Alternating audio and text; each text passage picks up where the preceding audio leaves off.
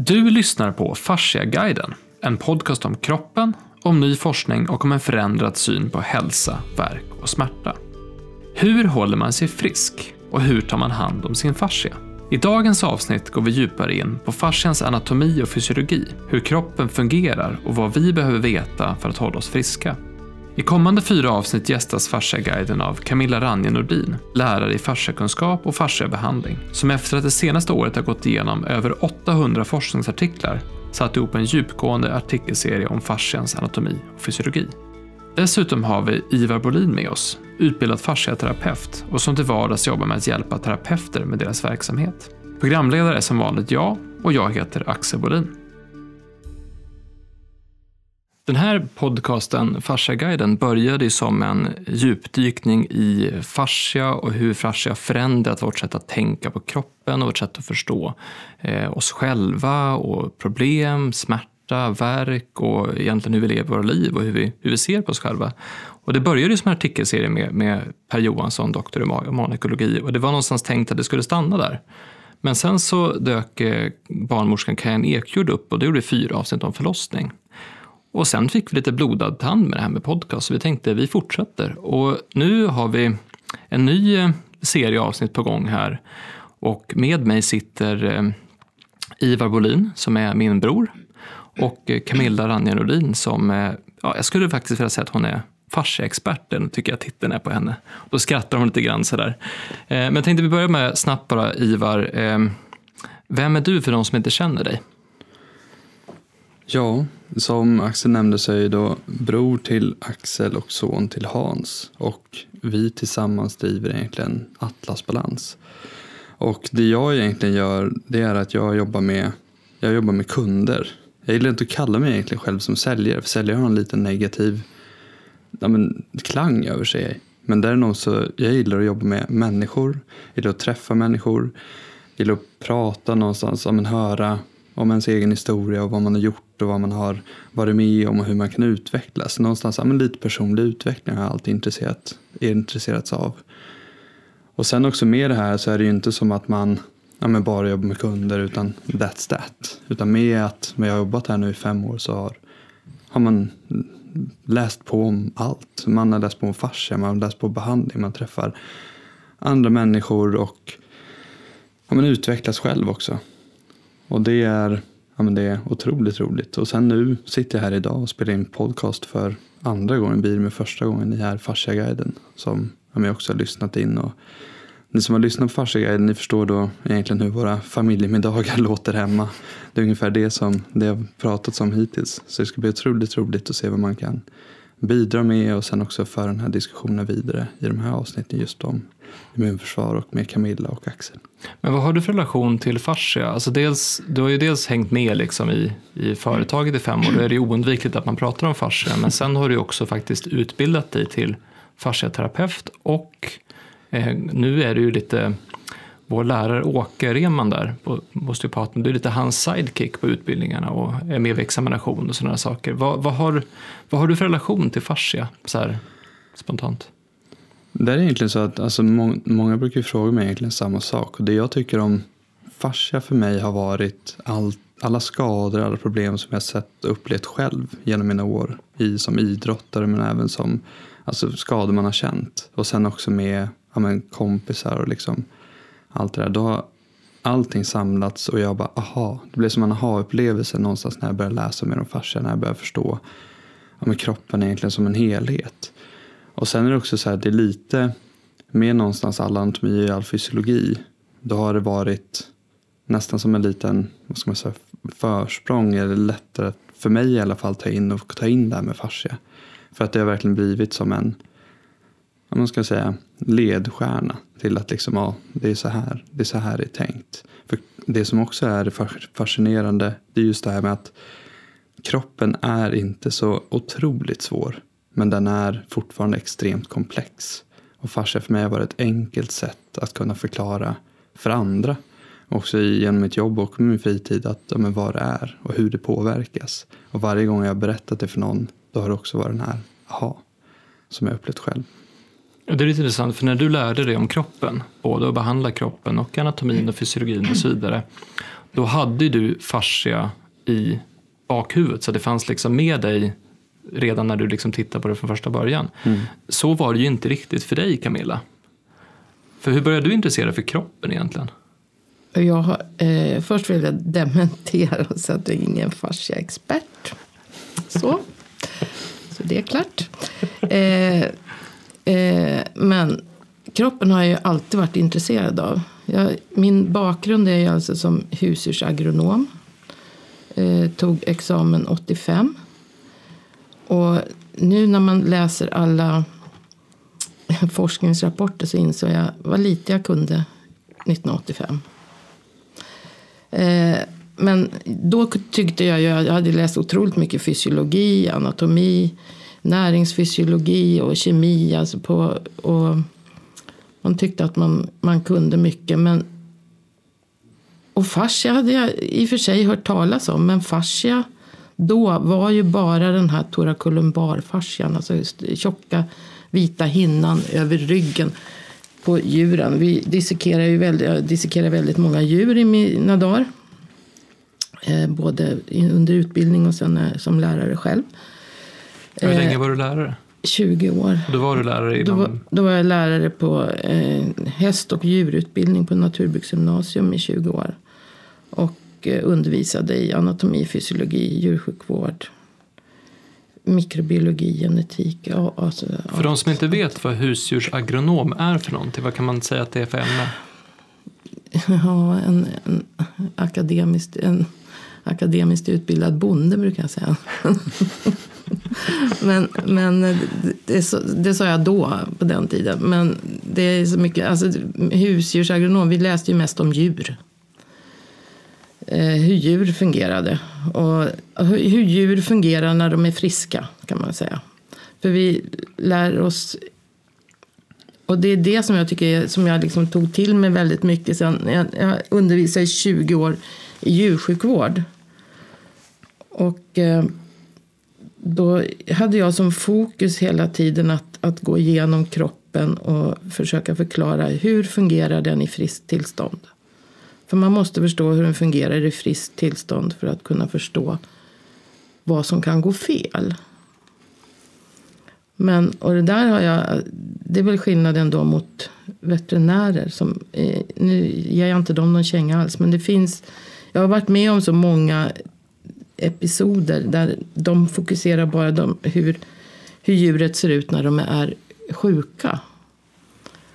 Och glömmer bort, att, eller har kanske inte ens fokus på hur de är i friskt tillstånd. Jag har så många exempel på det. Men, eh, Men det där är inte heller ovanligt, för det, det går ju lite i linje med det vi har pratat om i tidigare avsnitt också. Att, att varför, eh, om vi tar vården till exempel, är väldigt fokuserad på sjukdom och hur man Mm. förhindrar sjukdom och vad man gör när folk blir sjuka.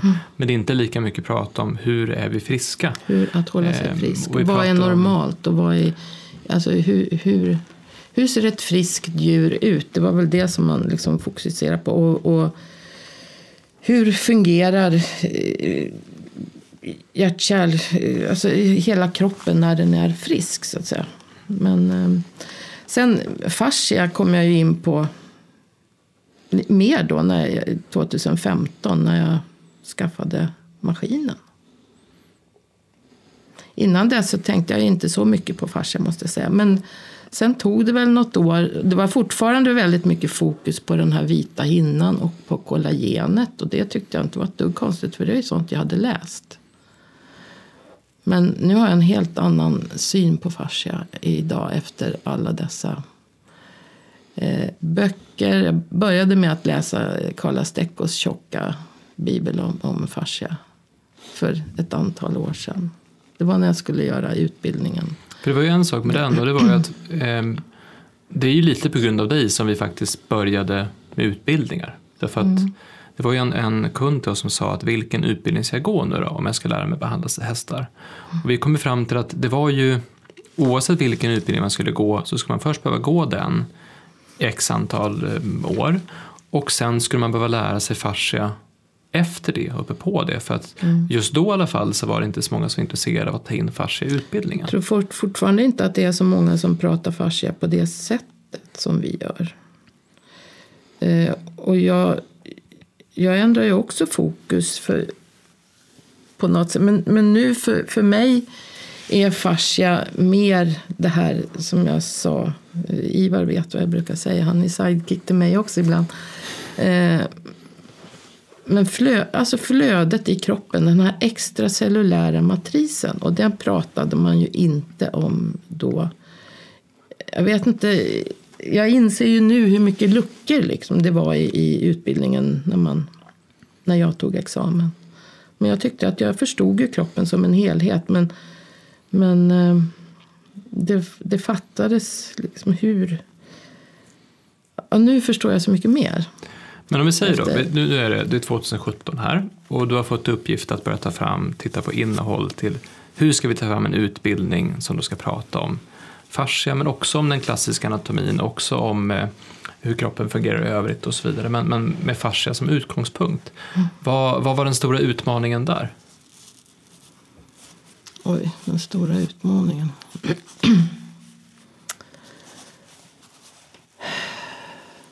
Ja, först var, jag, alltså först var jag ju tvungen att försöka lära mig att förstå själv. Så att jag måste ju förstå det på ett något sån här övergripligt sätt för att kunna förklara det på ett enkelt sätt. Och jag vet fortfarande inte om jag lyckas förklara det på ett enkelt sätt. Men, men sen är, när man läser, det är så otroligt mycket man inte förstår så jag är definitivt ingen expert. Men däremot så har man väl något större hum om hur det är så otroligt mycket enzymer och signalproteiner och sånt inblandat i hela funktionen så man, man blir Ja, en del hade man hört talas om men, men eh, Om vi säger så här, då, nu har du läst ungefär, sist var det, vi har 530 stycken forskningsartiklar som är kategoriserade och upplagda i, på vår hemsida på databasen, mm, Fasciaguidens hemsida. Och då är det ju ma- massa du inte har tagit med där. Och sen har du tjatat på mig nu så här, när får jag lägga upp resten? Så jag, jag räknar lite rätt att det borde vara i alla fall tusen stycken. Då undrar jag så här, när du har läst tusen artiklar, känner du dig mer säker då eller blir det bara ännu mer? Både och. Det beror på. Alltså det, det är svårt. Men, men man, jag har i alla fall ett, ett hum om hur viktig hur, hur viktig fascian är. fascia, fascian, alltså det här med folk säger att fascia är ett modeord. Men det var så himla bra när en elev här för några veckor sedan sa eh, när vi pratar att bindväv är ju liksom ett större begrepp. Sen, sen är då fascian en del av det begreppet. Och förut har man ju pratat bindväv men det hette ju fortfarande då thoracolumbar fascia och brachialis fascia och lite sådär med de här stora vita hinnorna. Men, och då var det en elev som sa man kan ju säga att bindväv är någonting dött men fascia är någonting levande. Och det tyckte jag var så jäkla bra för att det, om man tar bort fokus från att man har ju bara skurit bort bindväven förut. Det har ju liksom varit någonting dött som bara har varit som ett, ett paketerings org, eller organ, alltså paketeringsvävnad för att hålla alla celler och organ på plats. Men om man nu tänker mer på, nu håller jag nästan på att glömma bort kollagenet och, och fiberproteinerna så att säga som ger strukturen och bara fokusera på flödet istället. Och det är flödet som gör livet. För det är faktiskt det, som gör fascian levande. Och det är det man inte ser när man dissekerar ett djur. Du, du, det här flödet försvinner direkt. Kollagenet har du kvar. Alltså det, du ser de här, de här vita trådarna och den här vita hinnan. Det ser du. Men flödet har försvunnit. Så fort du dör så jag- försvinner flödet. Ja, det är så intressant för igår så tittade vi på, vi hade, hade workshop igår med just en introduktion till fascia för eh, vår fascia-workshop som vi har. Och då pratade vi om det här, jag tog upp den senaste definitionen jag fått från dig, det här med att eh, den extracellulära matrisen och cellerna som tillverkar extracellulära matrisen är fascia. Du ska få utveckla den sen om du vill. Ehm, och så just det här med att det är både den, man tänker ofta på den hårda eller fasta fascian, eller som är, alltså de trådarna, man tänker nästan aldrig på den lösa gelliknande grundsubstansen. Ehm, Men när man tänker, ja, men min kropp är ju minst 70% vatten, ja, men det är ganska mycket av min kropp som är vatten då. Och det, men man har 80 fortfarande svårt att tänka, ja, men precis, man har fortfarande svårt att tänka på det här. Men då tittade vi på filmen Strolling under the skin som finns på Fasciaguiden också av Gimberto. Den har tagit en kamera och fört in den under huden och filmat hur det ser ut. Och där ser man hur mycket utrymme det finns mellan de här kollagentrådarna. Och plötsligt så kan man förstå att jaha, det är där all vätska är. Det mm. finns ju faktiskt plats för den här vätskan. vätskan.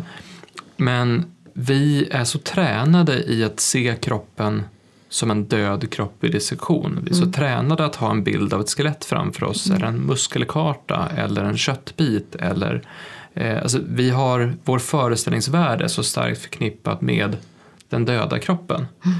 Men det är som du säger, att den döda kroppen har ju inget flöde. Nej. Och flödet är det absolut viktigaste. Att eh, när man dissekerar ett djur, eller en människa med för den delen, jag har varit med på det också, eller obduktion heter det då.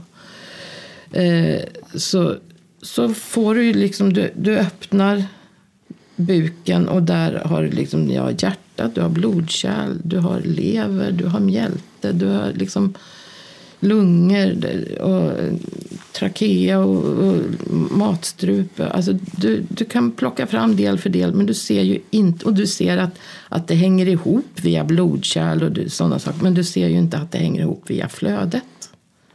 Alltså flödet, då menar inte jag flödet i, i blodcirkulationen utan flödet i fascian, alltså flödet i den extracellulära matrisen, flödet i den interstitiella vätskan då, som man också sa förr. Eller som man fortfarande säger. Men eh, nu står det mer extracellulär matris faktiskt i de flesta forskningsrapporter. Eller interstitium. Men det är där någonstans också det här kommer in med, som jag nämnde in just den här förklaringen till att det blev så enkelt att förstå. För där är också, om man har då all den här vätskan och så har man egentligen, alltså precis som man säger, man hela tiden kollar på det dött. När man tänker på till exempel ett ben, då tänker jag att ett ben kunde knäckas som en pinne. Men det här är också levande. Det är också egentligen rörligt. Det har en viss rörlighet i sig. Det är bara att det är mer mineraliserat egentligen. Och jag brukar alltid ta det exemplet som jag tar här igen. Men nu kommer jag på en liten annan liknelse bara på grund av det här flödet. Och det är också så här, för jag har spelat mycket fotboll. Och då vet jag, det är väldigt vanligt stucka fötter. Och där är också som jag då väger 85 kilo och springer allt vad jag kan, gör en riktningsförändring och min fot, jag trampar snett. Då är det en vikt som kommer till min fot, min ankel, på mellan 400 och 450 kilo. Det borde gå av. Rent anatomiskt. Men det är ju också så här, om du har då det här flödet, om det liksom förs vidare så att det här trycket fördelas utöver kroppen. Då är det också så att då kommer ju det bli sekundära liksom, skador eller sekundära liksom, problem längre upp. Och då tänkte jag precis på liksom en vattenballong. Om du har en avlång vattenballong och så trycker du till i änden. Det är inte som att vattenballongen kommer spricka utan den kommer egentligen bara föra flödet vidare så det blir tjockare någon annanstans. Och det var det också som är var så märkligt egentligen i början när jag inte förstod det här när jag var kanske 14-15 hade kompisar som dukade fötterna, bland annat jag. Då gick man till Hans och började han behandla nacken. Och sen jobbade han neråt. Och sen när han kom ner till foten kunde jag röra den. Och det här är ju skador som annars tar ja, två, tre veckor beroende på hur stort det är. Men där är också precis som Camilla är inne på, alltså jag har ju varit med i alla sådana här förklaringar både på yrkesutbildningar och workshops och allt vad det är. Men där är också så att den här den här vätskan är ju så otroligt viktig och liksom sätter igång flödet. Och det är någonstans är ju så här, men vad är en rörlig kropp? Alltså hur kan vi hålla det här vätsket, vätskeflödet igång? Hur kan vi göra så det inte tar stopp? Och vad innebär det? Vad får vi för förutsättningar då? Vad händer då till exempel med ja, immunförsvar och liknande? Och det är där någonstans också som ni har pratat om i den här podden, just det här med un load and unload of pressure. Vad gör vi med trycket som någonstans samlas i kroppen? Hur kan vi hjälpa till att lösa upp det? Ja, för det är, väl där man ska bara ha den, det, vi tog upp det, jag tror det var avsnitt tre och eventuellt avsnitt fyra också. Jag kan repetera det här så vi bara får tillbaka den eh, för de som inte har hört det. Ehm, just den här förklaringsmodellen att kroppen är att ta emot, att avlasta tryck. Det är kroppens ehm, det enklaste sättet att förklara, förklara kroppens funktion. Sen finns det en massa saker som gör det enklare eller svårare att ta emot avlastat tryck. Men, men vi, vi pratade igår också om att, att det, inte, det betyder inte att allt tryck är dåligt. Utan tryck är ju saker vi utsätts för. Så att kroppens funktion är att ta emot allting vi utsätts för. Allting som är i vår miljö, allting vi råkar ut för. Eh, man säger saker som att man får ett intryck av någonting, man kan få tryck över bröstet om man har ont. Varför använder vi sådana ord? Och det är, kroppen är en, en tryckavlastningskammare på ett enkelt sätt. Men sen så finns det ju den komplicerade varianten av vad som händer med det här flödet om flödet störs. Mm. Jo, för det är ju inte så att om vi tänker nu att, att kroppen består av en mängd celler, miljontals miljarder celler eh, som har olika uppgifter beroende på uh, vad, uh, vad det är för organ som för vävnad de bygger upp. Men mellan varje cell så finns ju den här extracellulära matrisen, alltså det här som vi nu har börjat kalla fascia. Och fascian i sig har ju också egna celler. För det, alltså det finns ju celler spridda i fascian, i den här extracellulära matrisen så finns det ju andra celler som ska bilda ämnena som finns i den extracellulära matrisen. För någonting måste ju skapa den också. Så det är inte bara, vi är inte bara muskelceller och, och celler i lungor och epitelceller i, i blodkärl och hud och så. Utan vi är liksom så komplicerade ja, varelser, sammanvävda.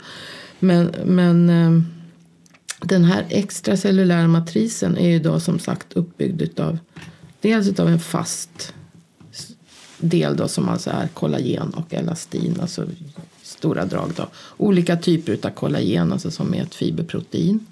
Alltså ett protein som bildar fibrer, avlånga eh, molekyler istället för runda molekyler som eh, proteiner ofta är, eller globulära. Så. Eh, och sen är det då en lös del, en flytande del som alltså man säger, det här flödet. Och det är inte bara vatten.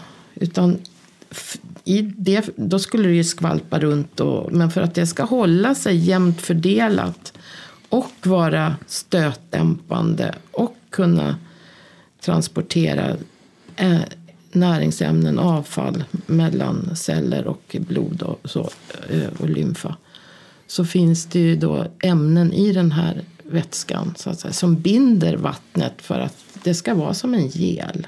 Om man säger så. Men den här gelen får inte bli för tjock. För det är vätskan i sig som är stötdämpningen. Det är vätskan i sig Det är också svårt att tänka att det är vätskan som är stötdämpande. Det, det är liksom den som är, tar emot stötarna och fördelar.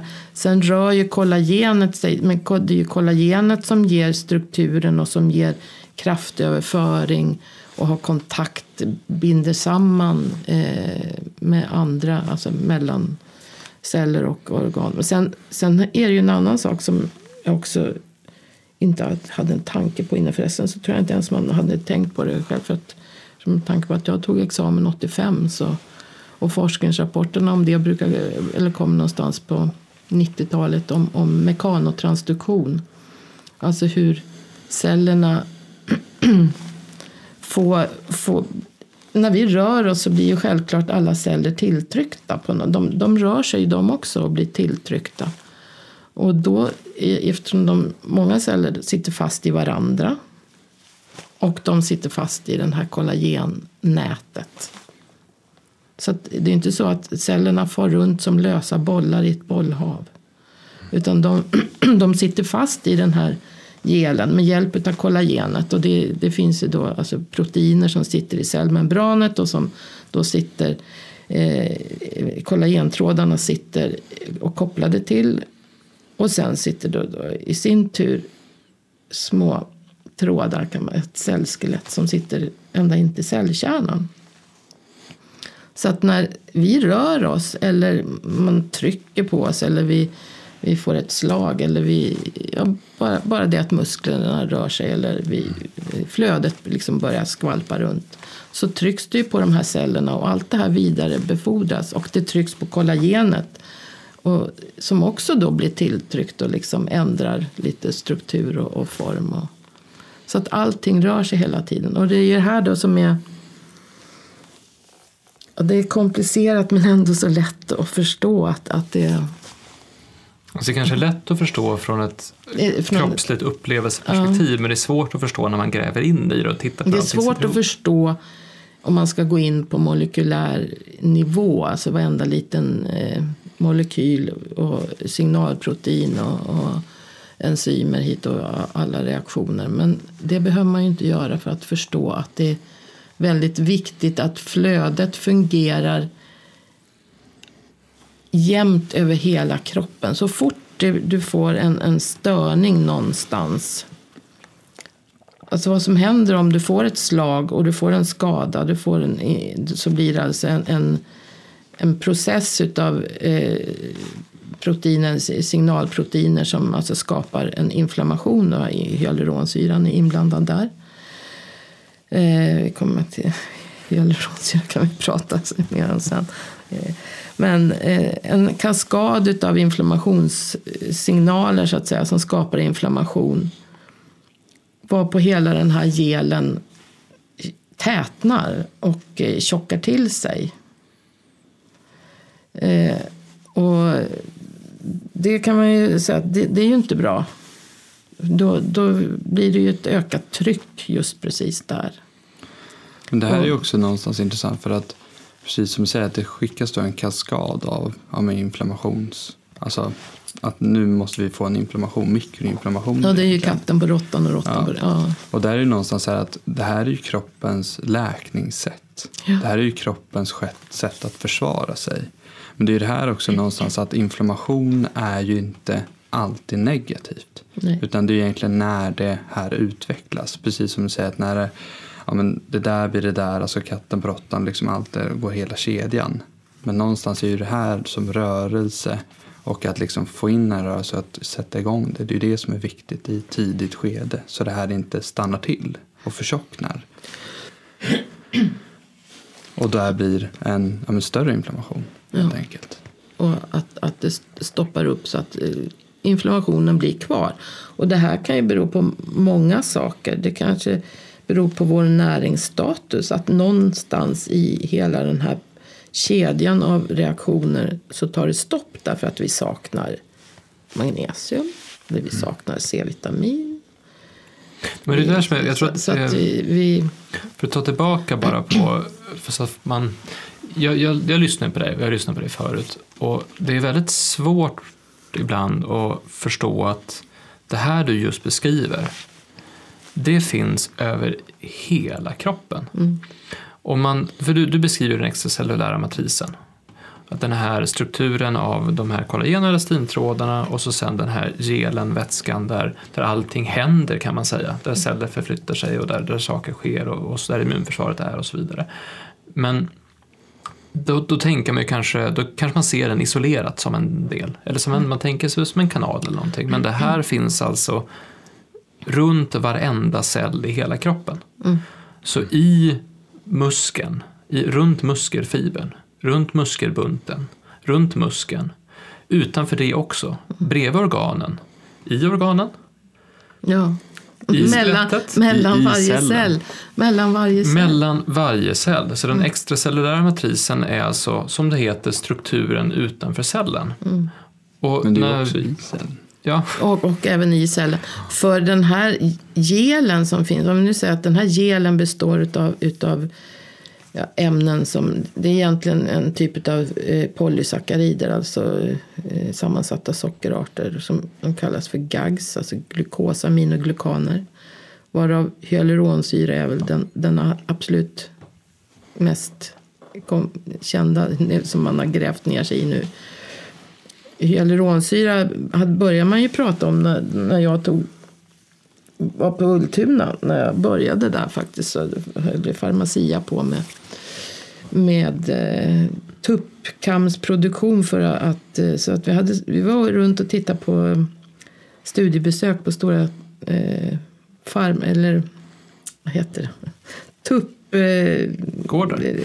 Ja, nu tappar jag helt... Rooster Farms. Ja, men alltså, i, vi säger ju inte farmer i, i Sverige, men, men alltså gårdar med, som bara tog fram tuppar till en viss... Det var framavlade tuppar som var specialframtagna eh, då för att de hade väldigt stora kammar.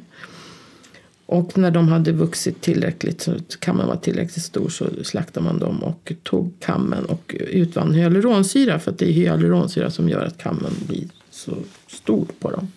Och alltså fyller ut. Och då såg man väl bara Alltså, hyaluronsyra jag har ju sett som, som en utfyllnad, ett fyllnadsämne så att säga. Men det har ju så otroligt mycket funktioner i kroppen så det, det är så komplicerat så först trodde jag att det var enkelt när jag började läsa om det. Så jag älskar hyaluronsyra.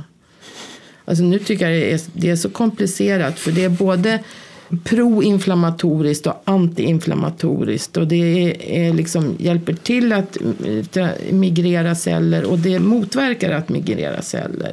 Och det, det, alltså det, Men det här tänkte är... man, man kan ju faktiskt göra det enklare genom att börja från ett annat håll. Ja.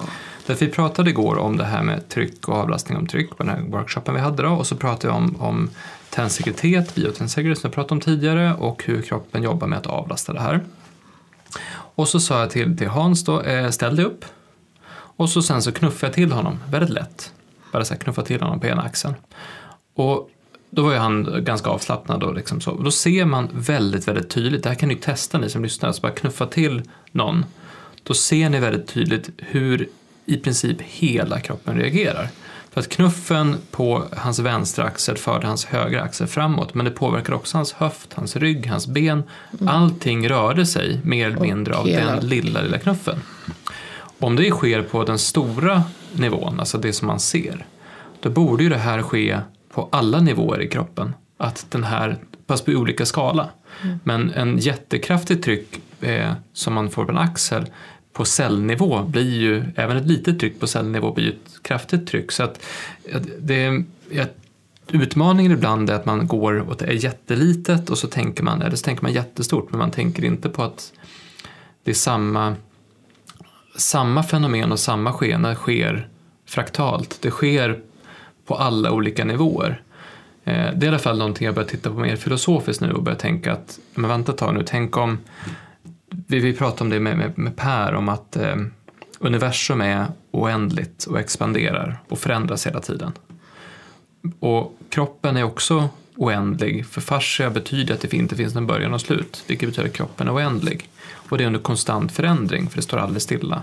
Så tänk om det är så att samma regler som gäller i kosmos gäller även i kroppen. Att det, att det är snarare så att den här planeten har livet har vissa grundstrukturer som finns precis överallt.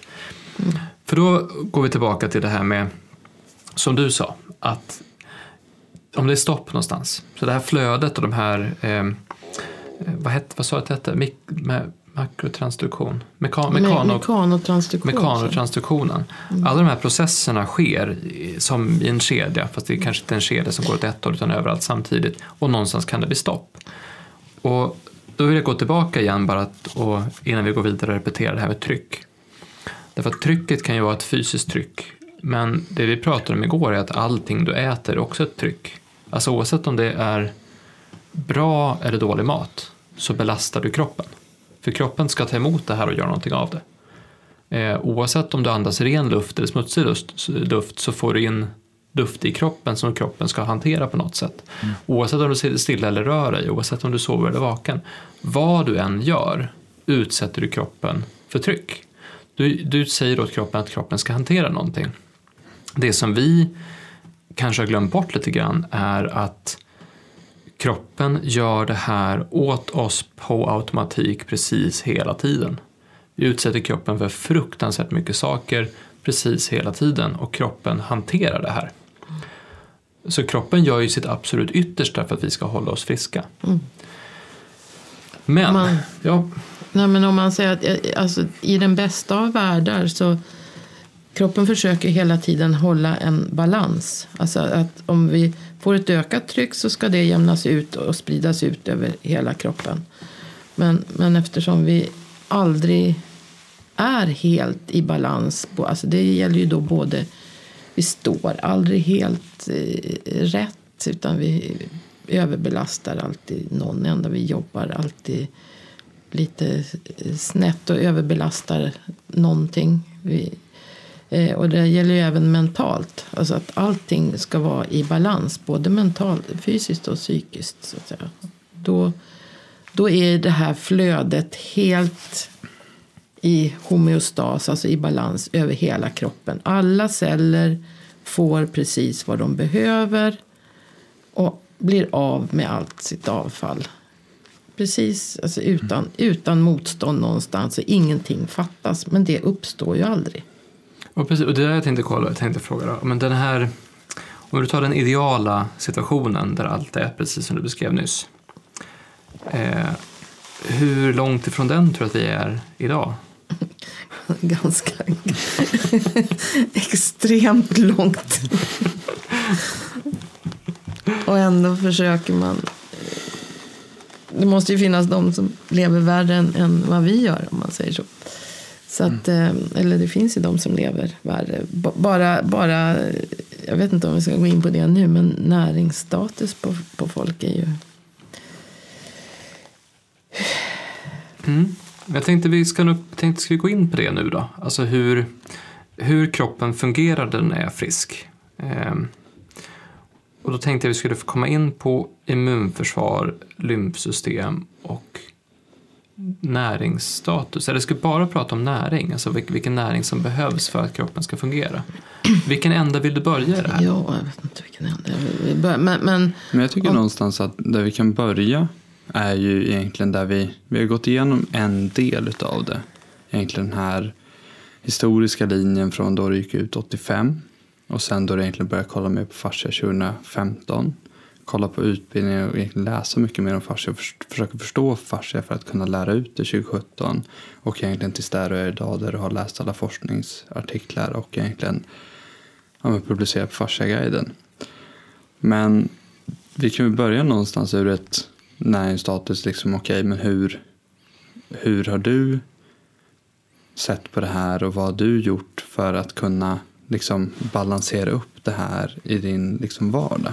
För det är också någonting som vi nämnde innan vi egentligen satte igång här. Det var för att för två och ett halvt år sedan så hände ju någonting som fick dig att ja, men, tänka lite annorlunda.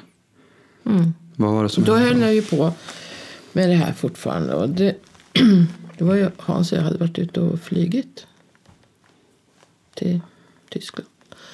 Så jag var väl förmodligen sjuk på flygplanet då. Eftersom det är också en väldigt dålig miljö. Och eh, dessutom är jag väldigt stressad när jag flyger för jag tycker inte om att flyga. Så att... Eh, och jag var väl i och för sig medveten om, om näring och jag åt lite näring men inte så mycket. Jag tror jag kanske åt eh, 500 milligram eller möjligen det gånger men 500 milligram C-vitamin. Och, för det, hade, det visste man ju att C-vitamin måste man ta lite extra. och sen åt jag D, nej jag åt inte D-vitamin. Eh, men eh, jag åt nog omega-3. Så att det var C-vitamin och, och, jag åt inte så mycket. Men jag försökte ju äta relativt nyttigt. Men det, det vet man ju hur det blir när man är stressad och inte hinner. Och så hinner, ibland så blev det jättedåligt med mat och, och sådär. Men man försöker ju undvika socker och ibland så blev det bara socker eftersom man ja, inte man jobbar sådär som man gör så gör man ju så mycket fel. Men i alla fall så blev, fick jag lunginflammation utav den här först influensan då och sen så en ordentlig lunginflammation. Och grejen var väl i och för sig att jag hade faktiskt haft lunginflammation i princip en gång om året innan dess. Fast inte så, så allvarlig som då. Och sen efter, det tog mig tre månader att bli frisk. Tre månader och fem antibiotikakurer. Som, det var då jag började tvivla på allt. Alltså jag har alltid varit skeptisk mot läkare. Men eh, eh Ja, det var, det var i alla fall. Efter det nu så, så äter jag, nu äter jag ju typ 10 gram C-vitamin. Och eh, ja, två, två och ett halvt till 5000 internationella enheter D-vitamin. Men vad var det under den annat. sjukdomsperioden? För det här var en ganska intressant period. För det var precis efter vi hade börjat hålla introduktionskurserna på de första utbildningarna. Ja. Och det var precis under tiden som du skulle ta fram materialet till första fascia yrkesutbildningen då. Och samtidigt var det innan vi skulle åka och träffa Vibeke och få den här första stora Det var fasciaföreläsningen. jättesjukt när vi var ner till Vibeke. ju. Det minns jag, för du, du vågade nästan inte ställa någon fråga för du satt nästan och hörde igen jag hostan hela och- satt och tiden. hostade hela tiden. Eh, Så det var en ganska intressant period av livet när du fick fundera väldigt, väldigt mycket på jag var nog väldigt stressad också. Jag misskötte mig nog väldigt mycket då om man säger så. Så att... Eh, ja. Ja, Nej, men, för, men vi säger så här då. För vi, vi bad ju dig för två och ett halvt år sedan att ta fram en utbildning, en yrkesutbildning för att utbilda hästterapeuter. Och det gick ju noga igenom, okej, vad bör man, bör man kunna om kroppen om man ska behandla kroppen på hästar då? Eh, och en ordentlig ingång till vad ska man kunna om fascia? Eh, och sen för ett år sedan så sa vi, kan inte du gå igenom och sammanställa och kommentera det forsk- forskningen som finns? Ehm, och sen för eh, vad blir det då? två månader sedan, i mars, mitten av mars, då sa vi till dig, kan inte du kolla, vad kan man göra för att boosta immunförsvaret? mm, ja, det var med anledning av corona. Precis. Och jag tänkte vi, vi, ska, vi ska börja knyta upp det här avsnittet och, och gå vidare och prata. Jag tänkte vi ska prata i detalj om immunförsvar och lymfsystem och vad du upptäckte under den här resan ehm, eh, i nästa avsnitt. Men då tänkte jag först bara fråga så att folk som lyssnar på det här, varför ska man lyssna på det här? Eller vad har du, vad har du i ryggen? Och som vi kollar på, när du nu har tittat på all den här forskningen om fascia och sen har du läst jättemycket forskning om immunförsvar, lymfsystem, olika typer av vitaminer, mineraler. Hur skulle du beskriva forskningsläget? Hur mycket, finns det mycket forskning på fascia till exempel? Ja, det bör, nu börjar det ju komma. Alltså, senaste tio åren kan man kanske säga. Fem, tio. Så har det ju ökat lavinartat. Så nu, nu, nu, alltså, ja, nu sista tiden så har jag inte hunnit med att titta på så mycket nytt. Som, så jag inser att jag måste ju börja gräva igen. Och när du menar nytt då, menar du nytt som i 2015? Eller Ja, alltså, ja, för- ja, till och med 2000. Jag ju hittat fram till 2019 så har jag ju faktiskt en del. Men det, det mesta är ju till och med 16. Någonting sånt. Men nu, nu finns det ju jättemycket mer från 1920 också. För du sa ju någon gång på någon kurs, det kanske var lite sån här på skämt eller så, men du sa ju att någonstans att de flesta artiklarna innan 2012 eller 2013, de, Ja, de kändes, kan man liksom som, kändes gamla. Jo, Nej, men men- beskriv den processen, alltså, vad, vad har du liksom vad har du sett spontant i hur forskning, har, hur forskning har förändrat eller vad man tar upp eller hur det utvecklas och så vidare? Ja, nu vet jag inte riktigt vad... vad, alltså vad det har ju... Nej men, alltså det, nu, nu kan du söka på hyaluronsyra och du kan hitta hur mycket nytt om hyaluronsyra. Alltså man gräver ner sig i hyaluronsyrans funktion i den här grundsubstansen då som vi pratar om. Alltså nu, nu kom det ett nytt ord igen. Men grundsubstans är ju den här flytande delen i den extracellulära matrisen. Så att eh, grundsubstans och kollagen är det som bygger upp den extracellulära matrisen. Och den här grundsubstansen består alltså i princip utav, utav hyaluronsyra och lite andra sådana här glukosaminoglykaner. Kondroitinsulfat och så, som binder vatten. Och det finns enormt mycket om hyaluronsyra. Och, alltså mer, hur, hur fungerar hyaluronsyran alltså i kroppen alltså för inflammation och, och men man har inte förstått allt det än. Så att det, det forskas väldigt mycket på, på det. Och sen finns det ju... Ja, jag vet inte vad... vad, vad Om jag säger så här, men jag ska försöka vara... ehm, Det är jag som inte förstår vad du menar. Men... Jag, jag tror att det är jag som inte är otydlig, så jag ska Ja, försöka vara lite tydligare här. Eh, det, om vi säger så här. Om jag öppnar en eh, tidning idag, eller om jag tittar på Nyhetsmorgon, eller om jag rör mig någonstans och, och, och börjar prata om vissa saker så kan ju folk säga så här, ja men finns det någon forskning på det där då? Eller ja men det där vet man inte, eller ja det finns ju forskning och så finns det forskning. Och man kan ju fråga som, ja men det finns ingen forskning på det här och hur gör man de studierna? De kanske inte gjorde med bra kvalitet. Och, så någonstans tänkte jag se, du som har tittat på så mycket nu, eh, är, det, är det forskning av bra kvalitet? där? Ja. Är det forskning som bygger på vetenskapliga metoder? Ja, det, det är det definitivt. Så om man tittar på forskningsläget, är det vi har pratat om med fascia nu, är det här någonting som är ett, en fluga, ett modeord, någonting man inte ska ta på allvar? Nej, det är, det, det är inte en fluga, det är inte ett modeord. Utan det, däremot har ju inte eh, forskarna helt ense om hur de ska eh, Alltså vilken nomenklatur de ska använda på vad som ska räknas in i fascia och vad som inte ska, vad som ska räknas liksom för, sig- för sig. Då. Men det där är ju bara ja, för fascia, fascia alltså omfattar ju i princip, eftersom hela kroppen är, alltså eh, fascian nu är uppbyggd på utav i princip samma beståndsdelar med kollagen och den här eh, extracellulära matrisen med de här glukosaminoglykanerna. Samma, samma typer oavsett om det är skelett, benhinna, ledkapsel, ligament, senor.